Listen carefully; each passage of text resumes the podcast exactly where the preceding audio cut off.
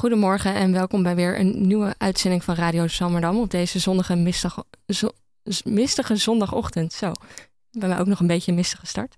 Mijn naam is Josta Bosma en vandaag staan de ene en nullen centraal. En laat je hier niet meteen door afschrikken, want mijn twee gasten zullen alles in heldere taal uit gaan leggen. En dit zijn Stefan Buisman, filosoof van de wiskunde en schrijver van het boek Plussen en Minnen en het kinderboek Het Rekenrijk. En uh, ook de gast Laura Hollink, onderzoeker bij het Centrum van Wiskunde en Informatica. Welkom beiden. En Afke Kok verzorgt vandaag uh, de techniek vanuit ons techniekhok. En dan moet ik nog één iemand voorstellen en dat is Lianne Hoijmans. Lianne, als ik tegen jou zeg wiskunde en informatica, dan zeg jij... Nou, goedemorgen. um, ja, ik heb een vrij cijferloze studietijd doorlopen uh, bij filosofie en rechten. Uh, dus ik denk bij wiskunde en informatica denk vooral aan algoritmes. Uh, en nog ergens in het verre verleden van mijn middelbare schooltijd de cosinus, die nog ergens rond en groot. um, maar ja, dat is het wel ja. qua associaties. en Stefan en Laura, hebben jullie een idee hoe, of wiskunde en informatica, hoe dat leeft bij mensen om jullie heen, Laura? Nou, bij mensen om mij heen zeker, ja. Mm -hmm. Want ik werk bij het uh, uh, Centrum ja. voor Wiskunde en Informatica, ja. Dan gaat mijn eigen onderzoek wel heel erg over de gebruikerskant van de informatica. Dus mijn, ik heb zelf niet zo heel veel met wiskunde van doen. Nee. En Stefan? Uh, ja, ik zit er allemaal tussen allemaal filosofen. dus die hebben echt helemaal niks met wiskunde. Nee. en ja, verder, ik denk qua algemeen beeld is wiskunde natuurlijk ook niet echt populair. Informatica misschien wat meer, omdat je daar echt daadwerkelijk fysiek wat mee, mee doet. Uh, maar wiskunde helemaal niet. Nee, je hebt niet zo van die nerds zoals ik om je heen zitten die dit heel interessant vinden. Nee, nee, die vinden Kant heel interessant, die filosofen. Oh. Maar wiskunde doet ze wiskunde, niet veel. Nee, dan rennen ze gillend weg. Ja. Uh, ja, Stefan, ik zei het al eerder, want jij bent dus filosoof van de wiskunde en schrijver. Maar je bent ook nog uh, de jongste dokter van Nederland. Gedeelde eerste plek uh, las ja. ik. Ja. je studeerde af op je op je negentiende of? Achttiende. Achttiende al, ja. ja. Uh, en je deed je promotieonderzoek in anderhalf jaar. En als ik deze cijfers zie, dan denk ik alleen maar hoe? Hoe is dit mogelijk? Uh, nou ja, vroeg beginnen.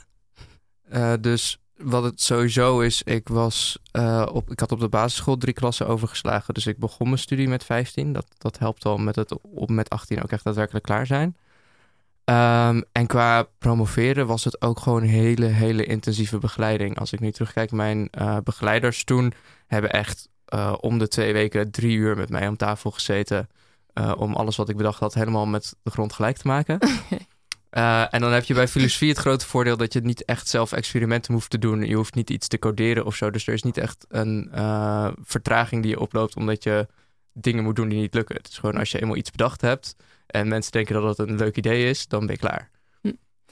En, maar je hebt uh, gepromoveerd in Zweden. Is daar dan ja. de begeleiding dan heel anders als het zo intensief is? Uh, nee, ik had gewoon heel erg veel geluk uh, met mijn begeleiders. en ik was een beetje brutaal geweest. Ze hadden op een gegeven moment gezegd dat ze hun promovendi eens in de twee weken wouden spreken. Gewoon om contact te houden en te zien hoe het gaat. En ik dacht, oh, ik moet eens in de twee weken een nieuw artikel schrijven. Uh, daar werden ze uiteindelijk niet zo blij mee. Maar de Zweden zijn dan niet direct genoeg om te zeggen dat dat toch niet is wat ze bedoelden. Dus ze gingen er maar bij mee. en uh, ja, filoso filosofie en wiskunde, dat lijkt mij echt twee totaal verschillende werelden. Hoe, hoe ben jij daartoe gekomen door filosoof van de wiskunde te worden? Uh, ik ben in eerste instantie begonnen met informatica studeren. Um, dus daar zat voor mij best wel wat theoretische wiskunde ook wel bij. En ik heb wat, wat sterrenkunde gedaan daarnaast. Um, dus ik had al wel redelijk wat wiskundige achtergrond. Um, en toen kwam ik bij filosofie terecht. En toen bleek dat wat de filosofen van de wiskunde doen, is dat ze kijken vooral heel erg in algemene zin naar wat is wiskunde nou? Uh, hoe, hoe kan het dat we wiskunde zo goed gebruiken, dat het zo nuttig is? hoe kan het dat je iets over wiskunde leert, ondanks dat het zo abstract is? Dus dat soort vragen zitten bij de filosofie heel erg. Uh, dus die bestuderen wiskunde. Uh, en dat lag mij op zich wel heel erg goed, want ik was eigenlijk veel te ongeduldig om netjes al die berekeningen uit te voeren zelf. Hm. Uh, dus gewoon een beetje kunnen nadenken over hoe die wiskunde werkt, zonder dat je daadwerkelijk ooit zelf wiskunde hoeft te doen. Dat, dat sprak mij wel aan eigenlijk. Ja. En zijn er eigenlijk meer filosofen die de wiskunde bestuderen? ja, gelukkig wel. Ehm, hoeveel het er precies zijn, durf ik zo niet te zeggen. Maar ik denk dat het er heel erg weinig zijn. Echt een paar honderd of zo ter wereld. Hm. Dus het, het, is een heel klein vakgebiedje. Daarom dat ook helemaal niemand er ooit van gehoord heeft. Ja. Um, je bent uh, dus in Zweden gaan promoveren, mhm. zoals ik al zei. Uh, waar ging dat over? Um, ja, mijn promotieproject was, uh, en dat heb je bij filosofie wel vaker, eigenlijk gewoon één lange klaagzang van 300 pagina's.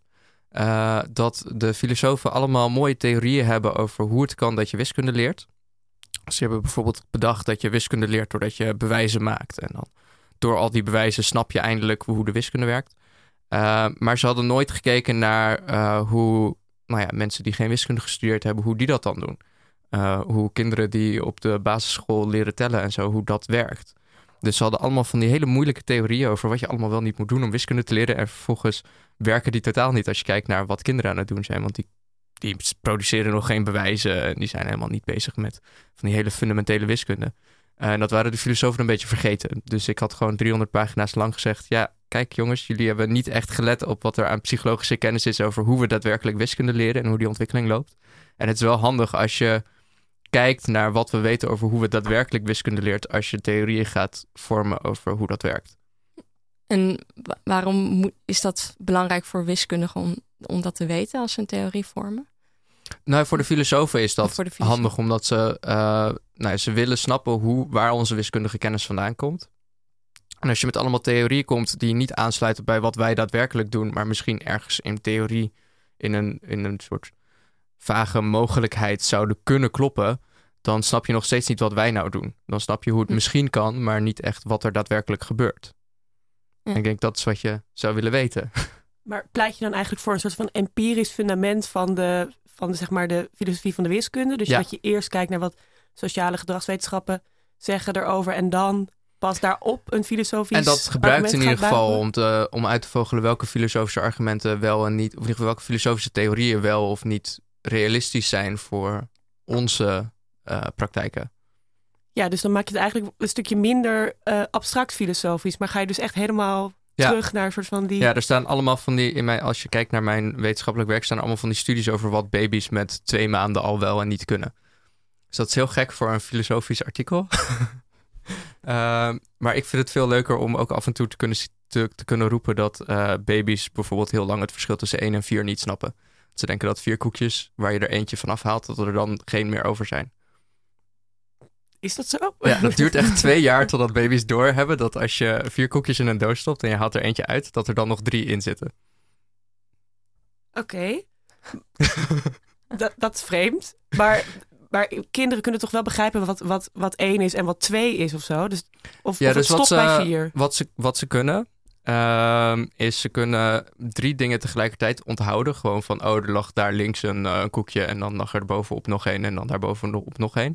En daar zit een soort beperking in tot drie.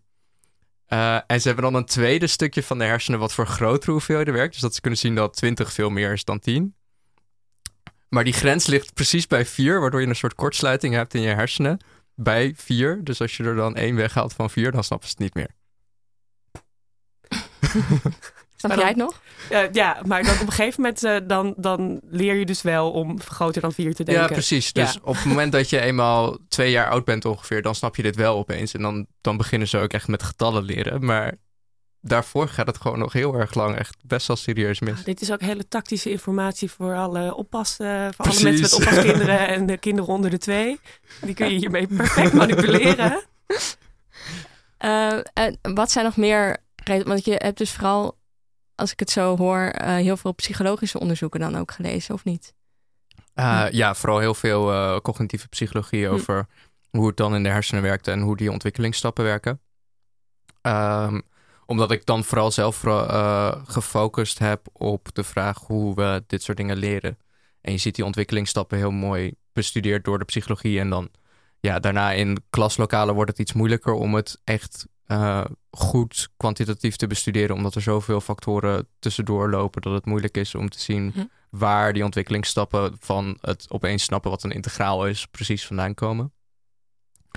Uh, en heel veel van de filosofische discussies over hoe kan het dat je überhaupt iets leert over getallen, omdat ze zo abstract zijn, die letten ook gewoon alleen maar op zeg maar 1, 2, 3, 4 en optellen en aftrekken. Omdat die filosofische vragen zijn al moeilijk genoeg. Dus je hoeft er niet per se ook nog weer moeilijke wiskunde bovenop te plakken.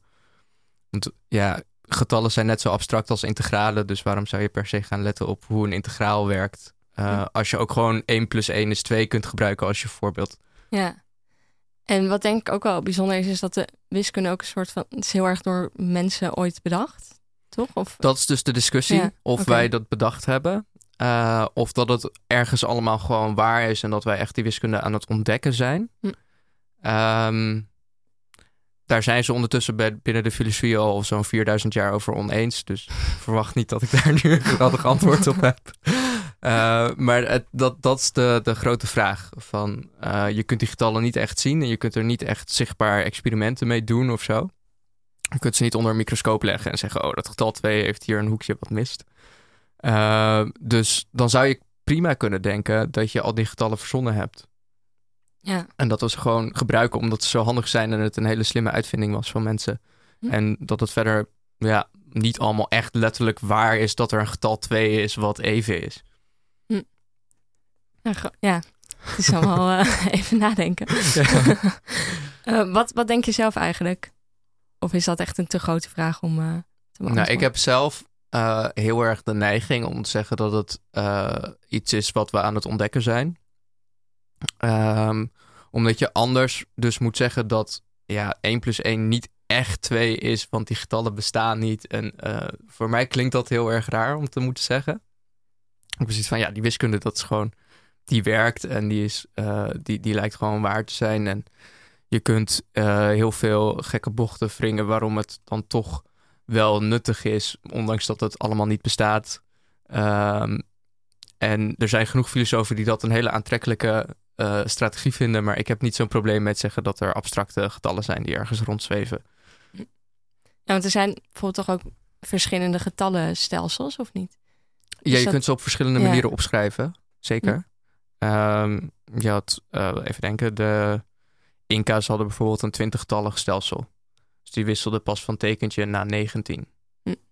Maar uiteindelijk komt het allemaal. Maar uiteindelijk zijn het dezelfde getallen die ze bestuderen. Ja. ja. Want het is uh, in dit geval dus dan dezelfde structuren. Je telt er op dezelfde manier mee.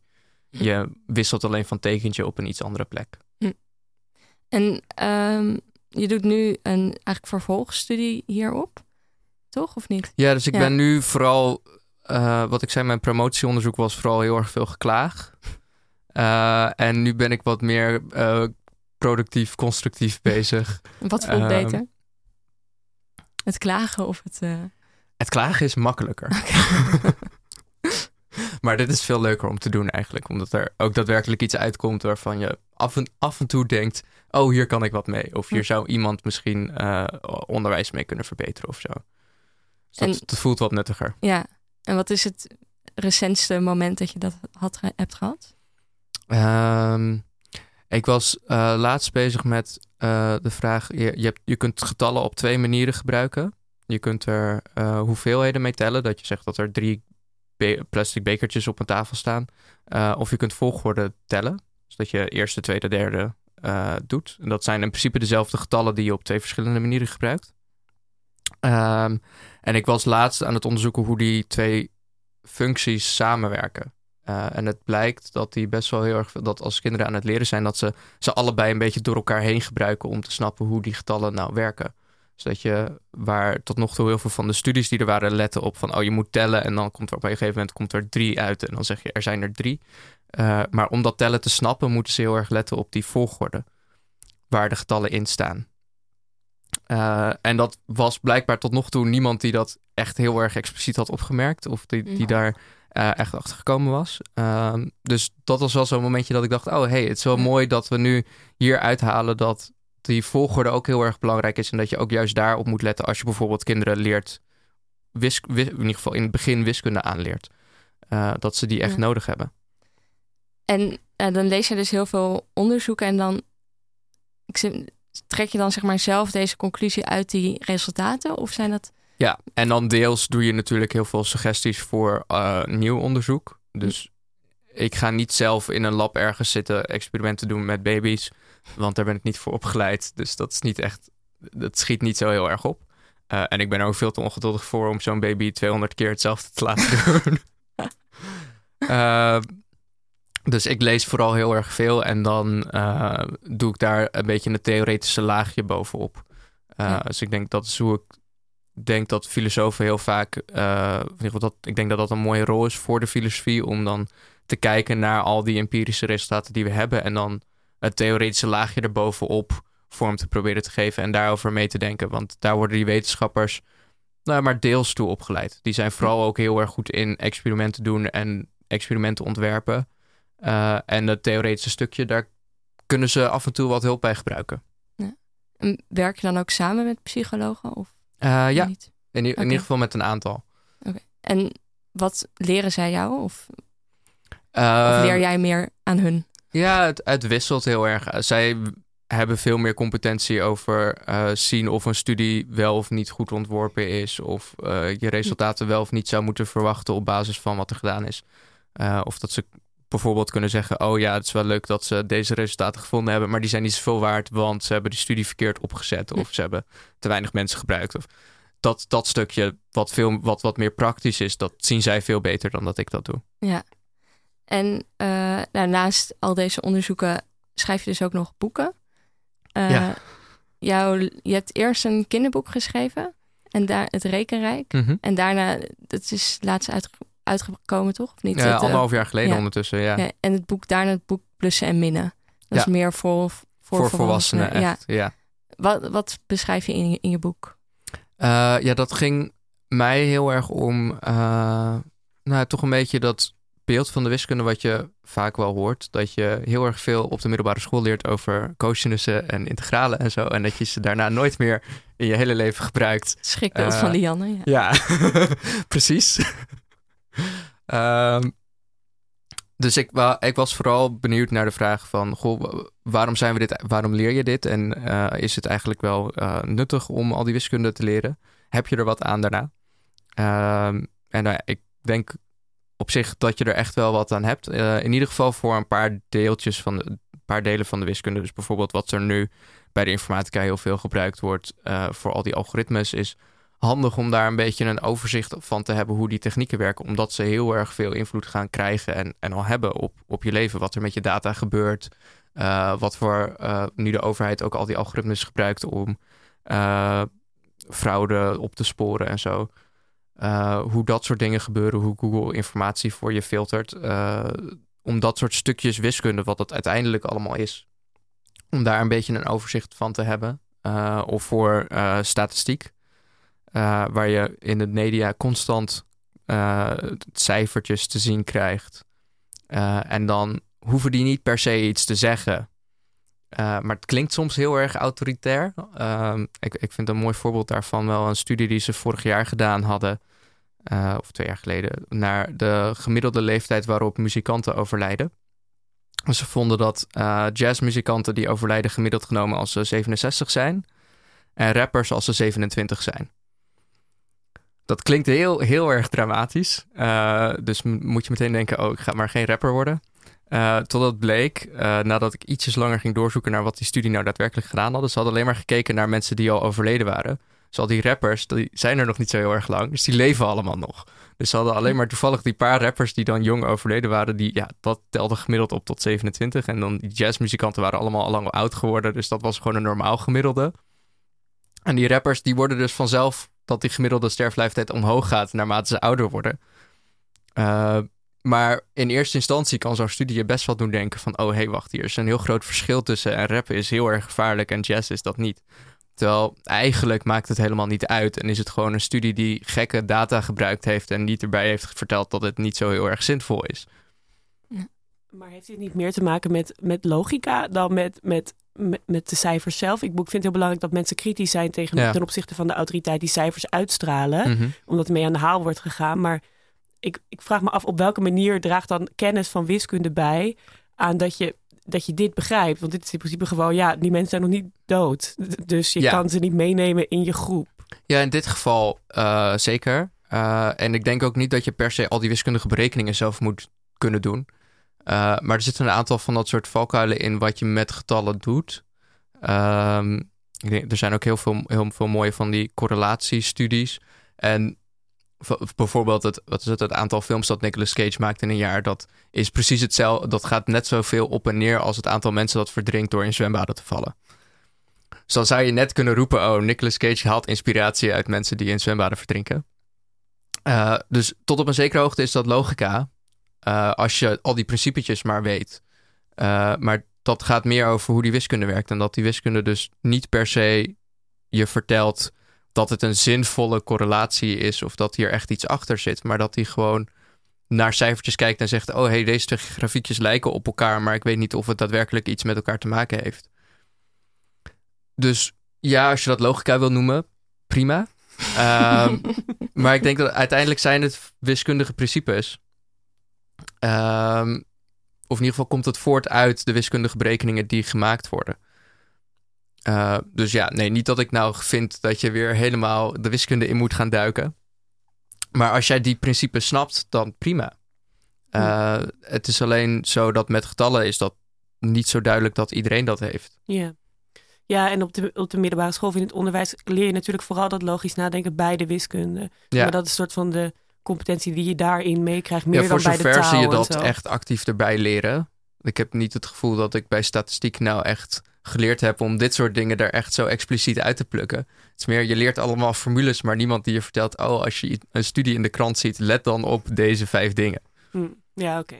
Dus dat zou dan nog verbeterd kunnen worden. Ja, ik denk zo'n zo soort overzichtje van waarom zijn we dit eigenlijk aan het doen. Hm. Dat zou best wel heel handig zijn. Want ik denk dat dat zeker ook op de middelbare school heel vaak het zo is dat ze je heel veel formules aanleren en je nooit echt vertellen wat die formules doen, waarvoor we ze gebruiken, wat de ideeën erachter zijn en wat je er zelf eventueel mee moet. Ja. Ja. Dan moet ik het even opnemen voor mijn wiskundeleraar. Die heeft dat wel. Ik ah, onthoud. heel ik mooi. ja, die heeft dat wel gedaan. Ik onthoud nog altijd. Hij legt het verband tussen het aantal uh, nieuwe pasgeboren baby's en ooievaars in één omgeving. Ah, zei, ja. dat is geen verband, maar het kan wel. Maar het kan wel heel mooi bij ja, elkaar passen. Zit toch, Het zit altijd in mijn hoofd. Als ik, nou, vooral nu.nl, ja, ik, mhm. die heeft heel vaak van dat soort koppen. En ik denk dat is het ook niet een taak van de media om te zorgen dat die verbanden niet misschien meteen worden gelegd. Want de koppen zijn natuurlijk heel vaak heel misleidend. Ja, uh, ik denk de, eh, de Wall Street Journal had laatst een kop dat uh, speelplaatsen gevaarlijker moeten worden, omdat uh, ze waren steeds, de, alle speelplaatsen waren steeds veiliger geworden en kinderen in Amerika waren steeds dikker geworden. Dus het lag toch echt wel aan het ontbreken van gevaar in de buitenwereld, dat ze geen lichaamsbeweging meer hadden. Dus je hebt heel veel van dat soort krantenkoppen en studies. Ja. ja. Uh, en ja, het zou handig zijn als journalisten dat ook wat meer in de gaten houden.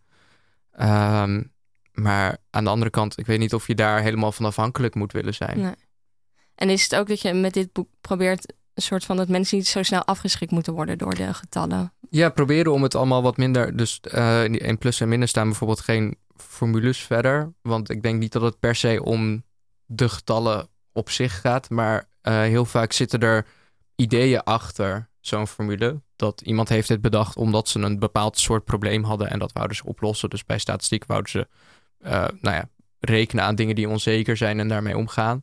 Uh, bij integraalrekening hadden ze iets van, oh, we willen verandering bestuderen. En dat doen we door het in hele kleine stapjes achter elkaar te bestuderen.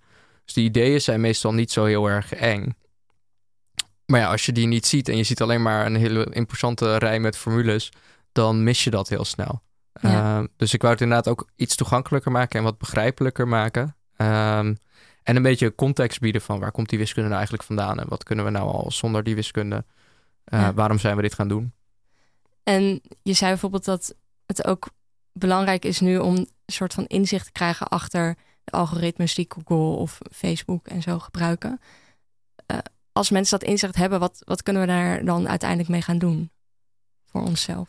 Uh, nou, ik denk dat het uh, bij die algoritmes wisselt het een beetje. Je hebt bijvoorbeeld nu wel discussies over of Google uh, politiek uh, stuurt wat voor soort nieuwsberichten er te zien zijn.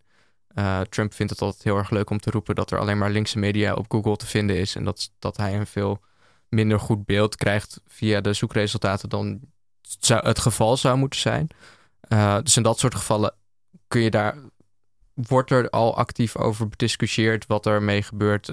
wat voor soort advertenties je op Facebook te zien krijgt? Of die dan echt alles in de gaten houden of dat het soms gewoon toeval is. dus daar, dat speelt al een beetje, in ieder geval qua discussies. ik denk dat Google bijvoorbeeld niet specifiek uh, hun zoekresultaten een politieke twist meegeven.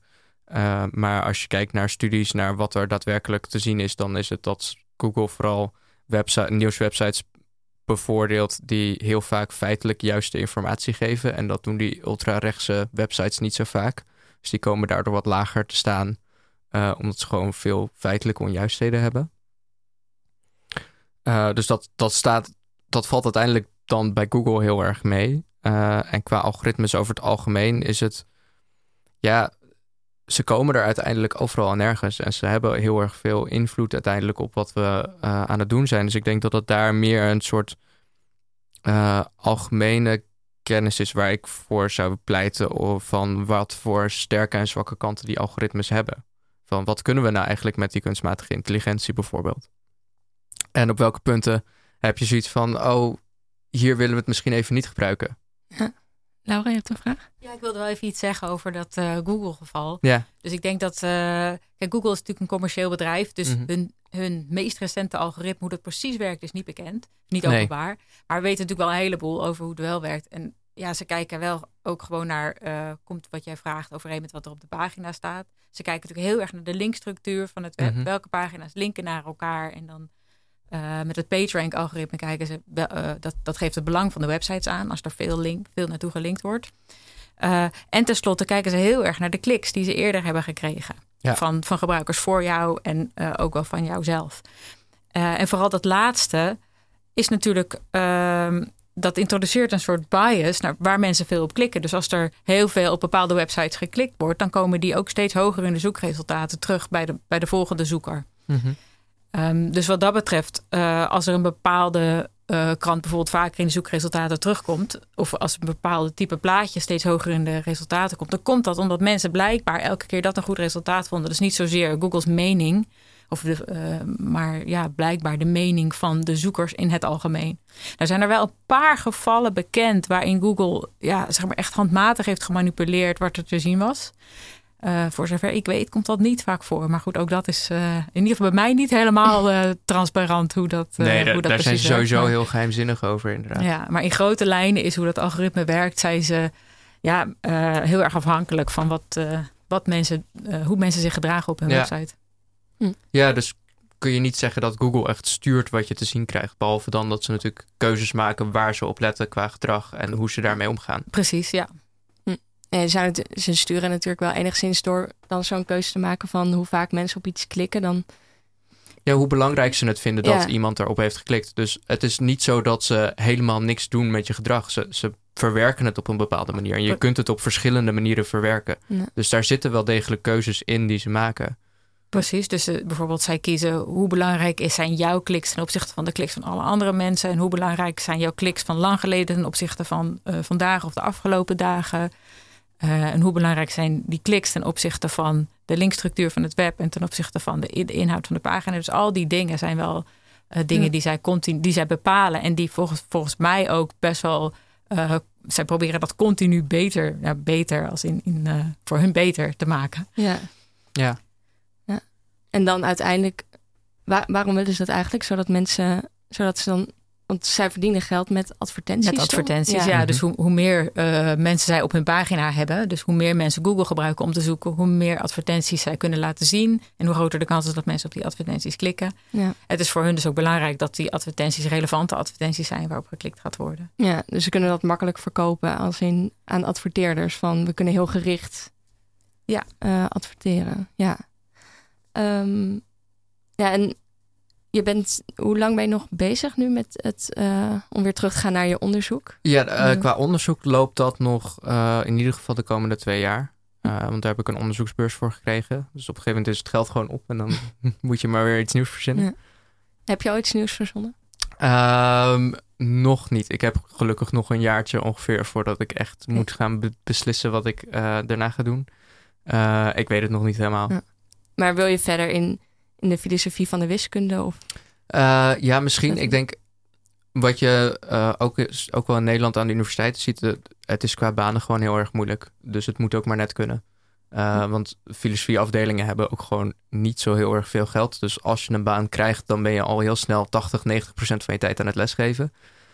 Uh, en dat, ja, ik weet niet of ik dat helemaal wel leuk vind. Of dat ik dan toch, toch uiteindelijk iets, even een paar jaar iets anders ga doen. Oké, maar je blijft ook boeken schrijven. Ja, dat trekt wel. Uh, zolang het kan, ja, precies. Uh, ik ben in ieder geval nu bezig met een volgend boek, dus het, uh, het okay. loopt.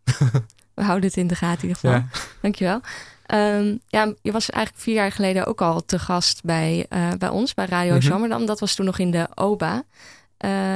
en daar heb ik eigenlijk de column van die uitzendingen gebruikt. Het is eigenlijk nog steeds best wel toepasbaar. Laten we daar even naar luisteren. Je bent op een feestje en je ontmoet iemand nieuws. Eerste vraag. Hoe heet jij? Tweede vraag. Waar ken je zus en zo van? En dan de derde vraag. Wat doe jij? Oei, tja, um, nou, ik promoveer dus in de theoretische natuurkunde. Ik werd altijd een beetje ongemakkelijk van die vraag, omdat ik eigenlijk nooit wist waar het toe zou leiden. Ik ontving reacties variërend van goh. En oh, dan ben je echt vet slim. Tot ik zag laatst zo iemand op tv die ging uitleggen over zwarte gaten. In meer dan de helft van de gevallen bleef het gesprek daar wel bij, maar soms werd er doorgevraagd of ik dan het enige meisje was en waarom ik voor natuurkunde had gekozen. In zo'n 10% van de gevallen werd er doorgevraagd naar mijn onderzoek. Ik heb me vaak afgevraagd waarom er maar zo weinig mensen doorvroegen. Waren ze echt niet geïnteresseerd of kwamen er oude middelbare schooltrauma's opzetten over het minimum vinden van een functie? Mijn vermoeden is toch dat laatste. Een veelgehoorde opmerking is namelijk ook: Oh, daar was ik altijd zo slecht in. En dit is iets wat mij erg dwars zit en waar ik tijdens de afgelopen jaren veel over na heb gedacht. Laat ik maar meteen met de deur in huis vallen. Ik denk dat het bullshit is dat er zoveel mensen slecht zijn in natuurkunde. Oké, misschien op dit moment wel, maar dat is helemaal niet nodig. Volgens mij zijn er drie redenen aan te wijzen. Ten eerste, het is vaak moeilijk voor een spreker met een beta-achtergrond om de aansluiting met het publiek te vinden. Het is lastig om niet in vakjargon te vervallen. Als een politicus aankomt met woorden als outcome criteria en participatieladder, dan zijn dat wel een beetje gekke woorden, maar het verhaal kan meestal nog steeds wel gevolgd worden. Maar als een natuurkundige spreekt over dat het bepalen van de eigenwaarde van de Hamiltoniaan je de verschillende energieniveaus van je systeem geven, dan is dat voor iemand zonder natuurkundeopleiding al niet meer te volgen. Terwijl dat echt de basics van de theoretische natuurkunde zijn. Het is heel moeilijk om natuurkundig onderzoek op een begrijpelijke manier uit te leggen aan een leek. Maar oefening baart kunst. Vooral als je als wetenschapper van tevoren zorgvuldig nadenkt over wie je publiek is en af en toe ook om feedback vraagt. Een tweede oorzaak is dat men er gewoonweg te weinig mee in aanraking komt. Dus als dat dan een keer gebeurt, dan klinkt het inderdaad nogal mysterieus en griezelig. Maar als we dagelijks zouden horen over natuurkundig onderzoek in plaats van waarom 433 beter zou zijn dan een 442 systeem of welke BN'ers het met elkaar doen, dan zou men niet meteen in angst schieten wanneer verteld wordt over bijvoorbeeld kwantumteleportatie, zoals we net gehoord hebben. Er is zo weinig aandacht voor de wetenschap in de media. De NOS heeft niet eens een wetenschapsredactie en de VPRO heeft die van haar een paar jaar geleden wegbezuinigd. Terwijl de interesse in wetenschap en wetenschappers bij het publiek lijkt toe te nemen. Met prachtige films over het leven van Stephen Hawking en Alan Turing zie je al dat wetenschappers ook interessante verhalen opleveren. Of met andere woorden, dat er best geld in zit. Ook bij de Wereldrijd Door zie je dat het goed werkt om wetenschappers af en toe een podium te geven. Kijkers vinden het prachtig, zelfs wanneer ze het niet helemaal begrepen hebben. Hulde voor de Wereldrijd Door. Alleen jammer dat Matthijs van Nieuwkerk weer dat beeld bevestigt van de leek. Hij kijkt ze met grote ogen aan en zegt dingen als: Ik snap er helemaal niets van, maar praat vooral door. En zo komen we op de derde en laatste reden die ik wil uitlichten. Mensen snappen niet dat ze het best kunnen snappen. Er wordt volgens mij alleen verwarring gemaakt tussen de onderliggende wiskunde en de natuurkundige fenomenen die beschreven worden. Als iemand mij zou uitleggen hoeveel naamvallen er in het Russisch zijn en hoe een zinsopbouw werkt, dan kan ik alsnog niet een Russische tekst begrijpen en vind ik het waarschijnlijk ook niet heel interessant. Maar als hij mij een vertaling geeft, dan kost het mij geen moeite om het verhaal te volgen. En zoals een Russische tekst staat tot de inhoud van een verhaal, zo staat de wiskunde tot de natuurkundige fenomenen. Je hoeft de Schrödinger-vergelijking niet te snappen om toch te begrijpen dat een waterstofatoom bestaat uit een proton in de kern en één elektron dat daaromheen draait. Ik ben ervan overtuigd dat wanneer men meer in aanraking zou komen met natuurkunde en ophoudt met zichzelf te vertellen dat ik er niets van snap, dat het veel interessanter is dan de baby van Wesley Snyder en Jolante. Dus de volgende keer dat u wordt blootgesteld aan zo iemand zoals ik, zeg dan: Ik was altijd zo slecht in natuurkunde, maar nu wil ik het begrijpen. Ja, dat was een column van Shana Haker. Veel veranderd, want Wes en Jo die zijn al inmiddels weer uit elkaar natuurlijk. Stefan, kon je het een beetje herinneren? Of? Uh, het, het, komt vaag weer terug, ja. Volgens mij ging het toen inderdaad ook veel meer over natuurkunde en uh, mogelijke werelden en dat soort dingen. Ja, het kwam uit de uitzending dat ging over bestaat realiteit en ja, ja. heel uh, ja, ook filosofisch. En Laura, is dit herkenbaar voor jou? Je bent natuurlijk geen natuurkundige en we gaan nu langzaam weg van de wiskunde en meer jouw vakgebied in. Maar is het herkenbaar voor jou dat mensen zo jou aanspreken op een feestje? Ja, absoluut. Ja, ja. Uh, want je bent onderzoeker bij het Centrum van Wiskunde en Informatica. Wat doet dit centrum? Uh, ja, wij, wij, zijn een instituut, een onderzoeksinstituut van NWO, de Nederlandse Wetenschappelijke Organisatie. En we doen onderzoek naar wiskunde en natuur. En uh, nee, niet natuurkunde, wiskunde en informatica. Ja. En waar doe jij specifiek onderzoek naar? Uh, ja, mijn onderzoek gaat over uh, een bepaalde tak van de kunstmatige intelligentie, uh, wat ik knowledge graphs noem. En dan specifiek naar de rol van die knowledge graphs in, in de interactie tussen mensen, dus gebruikers, en informatiesystemen of AI-systemen. En wat zijn die knowledge graphs? Waar dat ja, ja, dat zijn netwerken van informatie, of eigenlijk netwerken van feiten, die allemaal met elkaar verbonden zijn. En die feiten, uh, ja, dat kan van alles zijn, om maar wat willekeurige voorbeelden te noemen. Um, Amsterdam is een stad, bijvoorbeeld. Of Amsterdam heeft een populatie van 800.000. Uh, of ook dingen als uh, klarinetten zijn houtblazers. En houtblazers zijn weer muziekinstrumenten. Maar violen zijn ook muziekinstrumenten. Dat, al dat soort feiten, die zijn dus met elkaar verbonden in een, tot een netwerk of een graaf. En dat heet dan een knowledge graph. Je kunt het wel enigszins vergelijken met een database, maar dan in een andere vorm. Dus niet in een vorm die lijkt op een tabel, maar de vorm die lijkt op een netwerk. En ze zijn uh, uitgedrukt in formele talen, zodat uh, computers daarmee uit de voeten kunnen. En formele talen, dat, zijn dat dan algoritmen of hoe, um, hoe kunnen computers daarmee uit de voeten? Uh, ja, goede vraag. Ik, ik bedoel eigenlijk dus niet uh, gewoon in, in, menselijke taal uitgeschreven. Mhm. Maar ze zijn opgeschreven in, in uh, gestandaardiseerde talen. Okay. Zodat de computer, computer, precies weet wat het betekent als daar staat. Ja. Wat daar staat. En wat is jouw achtergrond? En hoe ben je hier bijgekomen? Uh, ja, ik heb best een interdisciplinaire achtergrond. Ik ben ooit in, in 1997 begonnen met de beta-gamma-propeduizen. dat was heel leuk. Dat was toen een eenjarige opleiding waarbij je twintig verschillende vakken kreeg. Uh, dus de beta-vakken, maar ook de gamma, dus de sociale wetenschappen.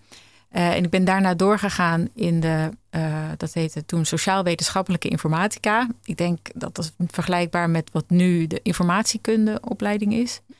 Um, en ik ben gepromoveerd in de informatica uiteindelijk. En daarna ja, universitair docent geweest aan de Vrije Universiteit en aan de Technische Universiteit Delft.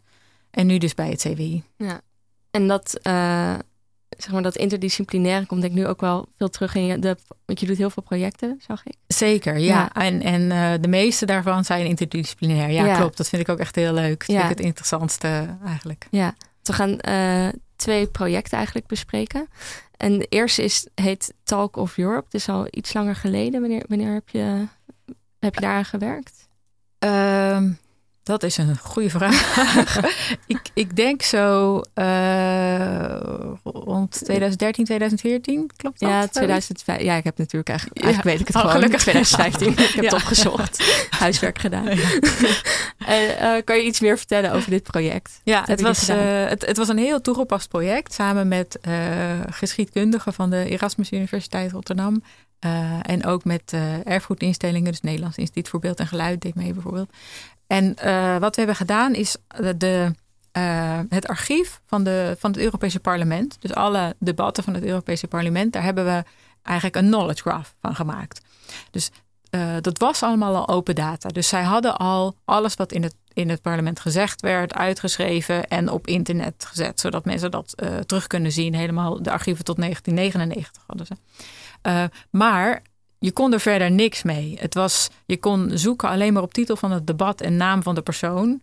Maar niet eens op, op politieke partij, ook niet op uh, inhoud, inhoudelijk wat er gezegd werd. Um, dus wij hebben daar een, een knowledge graph van gemaakt, waarin, waarin de hele structuur van die wereld zeg maar weergegeven werd. Dus alle personen, uh, of ze lid van het parlement waren of niet, en van wanneer tot wanneer, bij welke uh, nationale partij ze hoorden, uit welk, welk land ze representeerden, welke Europese eh, partij, in welke commissies ze zaten, wat rol ze daarin speelden, van wanneer tot wanneer en wat ze precies zeiden. Um, en we hebben daar uh, nog allerlei dingen aan toegevoegd. Dus een soort uh, onderwerpsherkenning in die debatten. En we hebben het gekoppeld aan zoveel mogelijk externe informatie, zoals Wikipedia en geografische kennisbanken. ook aan het uh, het archief van het Italiaanse parlement, omdat die het wel eigenlijk uh, heel mooi gestructureerd hadden, hun data. Dus wij konden heel goed links tussen onze data en hun data vinden. Um, en toen hebben we dat op die manier beschikbaar gesteld en laten, we hebben laten zien wat voor um, interessante queries je daarop kunt doen, die je dus niet kon doen op die, op die eerdere interface. Dus het was voor ons een soort manier om te laten zien van wat je dan kunt als je de data op die manier structureert. Ja, en uh, zoals je al zei, veel verschillende, van verschillende disciplines uh, kwamen eigenlijk denk ik bij elkaar, of niet? Hoe hebben jullie dat? Uh... ja, dus, ehm, dus, dus ja, wij, waren de, technische partners die gingen kijken naar wat is de, in welke vorm moet die data gegoten worden. en er waren de, de, de geschiedkundigen die, gingen kijken naar kunnen wij dan uh, ons onderzoek op hoe, hoe bijvoorbeeld dat, dat debat over een bepaald onderwerp is verlopen over de tijd, kunnen we dat dan nu beter doen? En we hebben ook in dat project geprobeerd om mensen van allerlei andere disciplines uh, erbij te betrekken. Om te laten zien of om te kijken of zij hun onderzoek ook beter kunnen doen. Dus bijvoorbeeld uit de uh, communicatiewetenschappen of uit de, de, de rechten ja. konden mensen dan onze data gebruiken. Ja. En van een van die onderzoekers, daar heb ik een fragmentje van. je gaat zo meteen luisteren naar Karin van Leeuw. En zij was onderzoeker Europees recht aan de UvA die meedeed aan het project. En zij legt uit uh, hoe dit project haar heeft geholpen in het beantwoorden van haar onderzoeksvraag. Ik moet er wel even bij zeggen dat het een Engelstalig fragment is. I had questions I couldn't answer just by making search queries myself, or I could perhaps do it, but it could, would cost a lot of time. And when I saw the call for participation, I thought, oh, well, this is perhaps a way to explore whether yeah, better research methods are possible. So, if there's one question uh, that we would like to answer by the end of the week, it's like how did the European Parliament look at European Court of Justice rulings? So, did they appreciate them in general, or did they rather uh, oppose to them? Or can you perhaps uh, split that up in political affiliations? That some parties uh, rather uh, like European Court of Justice rulings and other parties do not. Ja, dat was dus een van uh, de onderzoekers die meewerkte. Ja, leuk om te horen wat zij uh, daarmee heeft gedaan. Ze was ja. niet echt deel van het project. Wij hebben, wij hebben toen uh, ja, ja, een soort hackathons georganiseerd of dagen georganiseerd waarbij mensen dan met elkaar onze data konden gaan gebruiken voor hun eigen onderzoeksvragen. En daar heeft zij toen aan meegedaan. Hm. En, en wordt dit nog steeds gebruikt? Dit, uh... um, ja, dat, dat, dat weet ik, weet okay. ik eigenlijk niet waar ja. andere mensen dat voor gebruiken. Ik denk toen, toen wij dat project deden, was het. Uh, ja, dat was deel van een soort algemene beweging naar, naar meer open data, vooral van overheden. Uh, en toen op dat moment heeft het denk ik wel impact gehad dat uh, wij konden laten zien wat je dan meer kunt doen als je data op die manier structureert. Uh, en we hebben toen ook wel gezien dat mensen hun da onze data gingen gebruiken voor projecten en bijvoorbeeld ook in het onderwijs. En wat ik zelf heel leuk vond, de, de Europese Commissie heeft hun data gelinkt aan onze data. Hm. Dus dat, dat vond ik zelf wel echt een, uh, een soort erkenning van wat ja. we deden. En je ziet nu ook wel dat, uh, ja, dat overheden langzaam hun, hun open data ook steeds meer in een gestructureerd formaat gaan aanbieden, zodat je daar ook echt iets mee kan. In plaats van dat je alleen maar handmatig daardoorheen kan bladeren. Ja. Uh, maar goed, dat is natuurlijk zeker niet de verdienste van dit project. Dat is van die algemene roep om, om meer uh, betere open data. Ja. En um, laten we nu doorgaan naar een recenter project. Je hebt een, laatst een artikel uh, gepubliceerd. En eh, de titel, het begin van de titel luidt... Is er fruit an apple or Granny Smith? En is deze vraag zo moeilijk te beantwoorden? Ja, Moet je nou, daar een heel artikel ja. voor schrijven? ja, goede vraag. Ja. ja, dus dit is eigenlijk dit is mijn meest recente onderzoek. Dus dit is helemaal... Het vorige project waar we het over hadden was heel goed toegepast. En dit uh, nog niet. Dit is nog meer in een fundamenteel stadium. Uh, en ja, die vraag... Is het, is, het, uh, is het een fruit, is het een apple of is het de Granny Smith? Het is voor een computer wel moeilijk te beantwoorden. Hm. Want als je iets hebt, als je zo'n ding in handen hebt, het is alle drie. Uh, voor mensen is het vrij duidelijk. Ja, als je vraagt wat is dit, dan zeg je dat is een appel.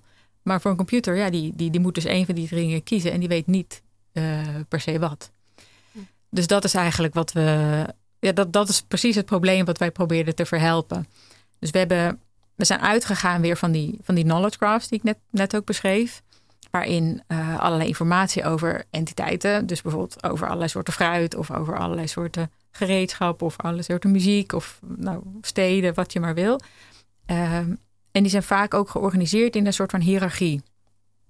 Dus in dit geval een Granny Smith is een appel en een appel is een fruit. Dus het gaat van specifiek naar algemeen. Of een, uh, een kruiskopschroevendraaier is een schroevendraaier en dat is een stuk gereedschap en dat is een, een ding. En nou, die, die, die hiërarchieën van specifiek naar algemeen, die kunnen heel lang zijn. Um, en die knowledge graphs, uh, ja, daar, is, daar wordt al heel lang onderzoek naar gedaan. En die, dat is, uh, die hebben prachtige datamodellen. Dat zijn, dat zijn logische modellen. Het komt uit de logica, echt. Uh, het gaat terug tot Aristoteles, zeg maar. Hm. dus dat is, dat is mooi. Maar dat is wel anders dan hoe mensen over informatie nadenken. En dat is, dat is wel iets wat veel recenter pas aandacht heeft gekregen. Dus volgens mij is, is, is Wittgenstein eigenlijk de eerste die daar iets, iets over heeft gezegd. Die zei van ja, mensen denken niet in, in die hiërarchieën en in, in, uh, in, in klassen. Waar, dus in dit geval in categorieën, zeg maar. Dus bijvoorbeeld alle appels is een categorie en dan een, een Granny Smith is daar een, een lid van of is een instantie van. Hij zei, mensen denken niet zo. Uh, die denken meer in, in een soort familieachtige groepen. Bijvoorbeeld, zijn voorbeeld was de, de, de games of de spellen. Dus je hebt een soort vage categorie van alle spellen. En dat is iets wat in. Ja, we kunnen het daar gewoon over hebben zonder spraakverwarring. Maar toch is het niet helemaal duidelijk wat een spel is. Er is geen één eigenschap die alle spellen hebben. Um, maar toch kunnen mensen daar zomaar over, over nadenken. Dus dat is al één voorbeeld van waarin een computermodel anders is dan, of zo'n logisch model anders is dan eh, wat er in mensen hun hoofden gebeurt. Um, en dan de volgende stap was empirisch bewijs voor hoe dat, hoe dat in mensen hun hoofden werkt. En dat was Eleanor Roche, een van de eerste die daarmee begon. Uh, en zij ontwikkelde de, de theorie van het basic level. En daar gaat eigenlijk dit artikel over. Uh, dus wat zij zei is, als je zo'n hiërarchie hebt die ik, die ik eerder beschreef, waar je uh, van, van specifiek naar algemeen, dat er voor een computer is, is elke stap in de hiërarchie even belangrijk. Dus een Granny Smith of een appel of een fruit is even belangrijk. Maar voor mensen is er één bepaald niveau wat speciaal is en wat een soort uh, voorkeur heeft, waar mensen een soort voorkeur voor hebben, een soort natuurlijke voorkeur. Dus, en zij deed dan experimenten waarin ze liet zien dat op dat niveau kunnen mensen veel sneller redeneren, maken ze minder fouten, zijn ze het meer met elkaar eens. Um, uh, dus als je bijvoorbeeld aan iemand vraagt: is dit een appel? Dan zeggen ze ja of nee. Als je vraagt: is dit een fruit? Dan moeten ze langer nadenken voordat ze ja of nee kunnen zeggen. Maar is dat in alle gevallen zo? Is dat niet afhankelijk van de context van zo'n situatie? Dat soms een appel of dus maar dat een specifiek soort appel belangrijker is of makkelijker te bedenken? Ja, dus dat is, dat is, een goede vraag. Het is een vraag die ik altijd zonder uitzondering krijg, inderdaad. Maar het is, het is een zeer relevante vraag. Um, het is in zekere zin natuurlijk wel afhankelijk van de persoon en van de context, maar veel minder dan je zou denken. Hmm. Dus dit niveau is vrij universeel. Uh, uh, omdat het echt gekoppeld is aan wat mensen kunnen zien. Het is ook gekoppeld aan een beweging. Een appel kun je plukken en je kunt hem naar je mond brengen en je neemt een hap uit. Je kunt van, van 500 meter zien of iemand een appel aan het eten is of niet. Maar je kunt dan niet zien, is het een Granny Smith of een goudrenet? Um, en dat heeft niks te maken met of je een appel-expert bent of. Uh, Die ga ik in mijn volgende uitzending uitnodigen. Een appel-expert. ja, ja, dat zou ook heel interessant. Dus ik weet nu door dit onderzoek heel veel over appels, wat ik eerst niet weet. Ja, ja. Maar, ehm, maar, maar ehm, nee, dus het is, het is vooral eh, universeel. Maar er, het is natuurlijk wel zo dat eh, ten eerste... het is wel zo dat er een persoonlijk effect is. En ook wel dat training een effect heeft. Dus bijvoorbeeld... ehm, eh, je kunt wel zien dat bijvoorbeeld de, er was wel een studie met bijvoorbeeld honden-experts. En die konden eh, specifieke soorten honden. eh, konden ze net zo snel reageren als op dat wat hogere niveau waar normale mensen zeg maar snel op reageren. Ja. Oh, sorry. Je wil dit dus eigenlijk ook dus toepassen op computers. Dat computers ook zo nou, gaan denken, wil ik niet. Ik weet niet Ja, dus we willen eigenlijk een, een computer die zo'n knowledge graph gebruikt, die dus weet hoe de wereld logisch in elkaar zit, dat die ook weet hoe mensen reageren. Dus, daar, dus allebei. Ehm, maar goed, die knowledge graphs zijn ontzettend groot. Daar kunnen wel eh, miljarden feiten in zitten. Dus we kunnen niet, zoals Eleanor Roche deed, ehm, psychologische experimenten gaan doen. eh, op welk, welke concepten mensen snel reageren en welke niet. Dus wat onze hypothese was, dat je, dat, je ehm, dat zou kunnen leren uit door mensen geproduceerde data. Dus we hebben gekeken naar eh, natuurlijke taal in het Google Books corpus. Dat is eh, een enorm corpus met in, ons geval eh, boeken in de Engelse taal. Ehm, ehm, we hebben gekeken naar allerlei taalkundige eigenschappen. Dus hoe lang is het woord? Hoeveel betekenissen heeft het woord? eh, hoeveel synoniemen heeft het woord? Dat, dat soort dingen. En we hebben gekeken ehm, even kijken, ja, naar, de, naar de structuur van de knowledge graph. Dus hoeveel, eh, als je zo'n zo'n hiërarchie hebt, hoeveel eh, kindnoden, zeg maar, hoeveel, hoe noem je dat, kindnoden? hoe noem je, zeg je dat in het Nederlands goed? eh? hoe, hoeveel, hoeveel entiteiten zitten er dan weer onder? Dus een appel, hoeveel specifieke Ja, appels hebben we? Ja. En voor een fruit, hoeveel specifiekere vormen van een fruit zijn er? En van dat soort, Maar dat, dat, dat, soort voer- voeren jullie allemaal zelf in? Of dat... Nee, dat, da- daar gebruiken we programma's voor om dat automatisch allemaal voor elk concept eh, te achterhalen, al die informatie. Dan doen we machine learning op om dan te leren eh, welke concepten op dit zogenaamde basic level zitten en welke niet. En dat lukte behoorlijk goed. We hebben tests gedaan waarin we in sommige situaties dat heel goed konden. En in andere situaties was dat natuurlijk moeilijker en dan moeten we nog wat stappen zetten. Dus het is zeker nog niet klaar, dat onderzoek. Maar het was wel veelbelovend. Het, het, het is ik durf wel te zeggen dat het is zeker mogelijk om uit die mensen geproduceerde data te leren waar dat basic level zit. Ja, en wat is dan het uiteindelijke doel? Waarom, waarom moeten computers kunnen weten wat, hoe mensen dat beoordelen? Ehm, nou ja, wat ik, wat ik geloof is dat eh, elk, op, in elke applicatie waarin een mens interacteert met zo'n knowledge graph, dat dat beter kan als die, als die applicatie dan kan voorspellen hoe die persoon gaat reageren. Dus, en dat is bijvoorbeeld zo in, in een zoekmachine, waar je feiten ge- gepresenteerd krijgt uit die knowledge graph, of in een, eh, in zo'n eh, een, een chatbot, zeg maar, een conversational agent, die, die praat met een persoon. Of nou, ja, in, in, elke, in elke applicatie die een knowledge graph gebruikt, en maar waarbij die ook met de gebruiker interacteert. eh, is het gewoon belangrijk om te begrijpen wat je gebruikers gaat doen. Net zoals dat je in, eh, in het ontwerp van een, van een interface moet je begrijpen welke kleuren bijvoorbeeld mensen uit elkaar kunnen houden om, de, om het kleurschema goed te kunnen weergeven. Zou je ook moeten begrijpen op welke stukjes kennis mensen goed reageren en welke ze moeilijker vinden als je die kennis wil gaan presenteren aan mensen. Ja, en wat zijn dan... Ja, je noemde al de zoekmachine, maar zijn er nog andere concrete toepassingen? Je hoort bijvoorbeeld tegenwoordig veel over zorgrobots. Is, is dat iets waar... Eh, of is dat iets nou totaal ja, ik, anders? ik denk wel eh, dat de. ehm, ja, dus, eh, dus dan echt de spraakinteractie tussen zo'n robot en een persoon. Denk ik wel dat het goed zou zijn om, eh, om ook te weten op welke stukjes informatie iemand dus op die, op die manier van Eleanor Roche goed gaat reageren, zeg maar. Andere voorbeelden waar ik aan denk zijn, zijn ook webshops, zeg maar. Die, die, die bijvoorbeeld een hele grote productcatalogus hebben, van heel algemeen naar steeds specifieker. Dat het goed is om te weten op welk niveau mensen natuurlijk, op een natuurlijke wijze hun, hun informatie kunnen gaan zoeken. Dat het dus... Dat de webshops minder frustrerend voor ons worden of ja, zo? ja, precies. Ja, ja. Dat we makkelijker kunnen winkelen. ja, dat zou fijn Ja. zijn. Ja. Ja. Eh, komt dit jou... eh, bekend voor, zeg maar? Zie je de linken tussen jouw onderzoek en... Nou, wat voor mij heel erg mooi klinkt, is dat uh, jij een beetje dezelfde neiging hebt van... oké, we hebben die hele mooie logische systemen... en we willen wel dat ze passen bij hoe mensen daadwerkelijk werken en denken.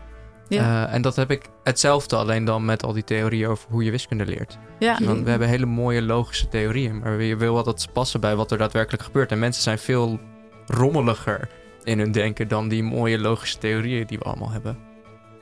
Ja, ja, ik zag die parallel ook. Dat we allebei kijken naar aan de ene kant wat is de mooie, logische, in jouw, kant, in jouw geval wiskundige schone wereld. En aan de mhm. andere kant de empirische uh, data die we hebben over wat mensen doen. Ja, dat is interessant. Ja. Nou, mooie conclusie van deze uitzending, denk ik. Want uh, de tune loopt, dus we zijn alweer, we moeten helaas gaan afsluiten. Um, Laura Honnek en Stefan Buisman, hartstikke bedankt voor jullie komst op deze zondagochtend. Uh, Aafke deed vandaag de techniek en gaat vanavond of vanmiddag de, de uitzending online zetten. En Lianne was mijn co-presentator. Ik hoop dat je het nog. Uh, heb je het een beetje getrokken? Ja, ik vond het heel interessant. Gelukkig.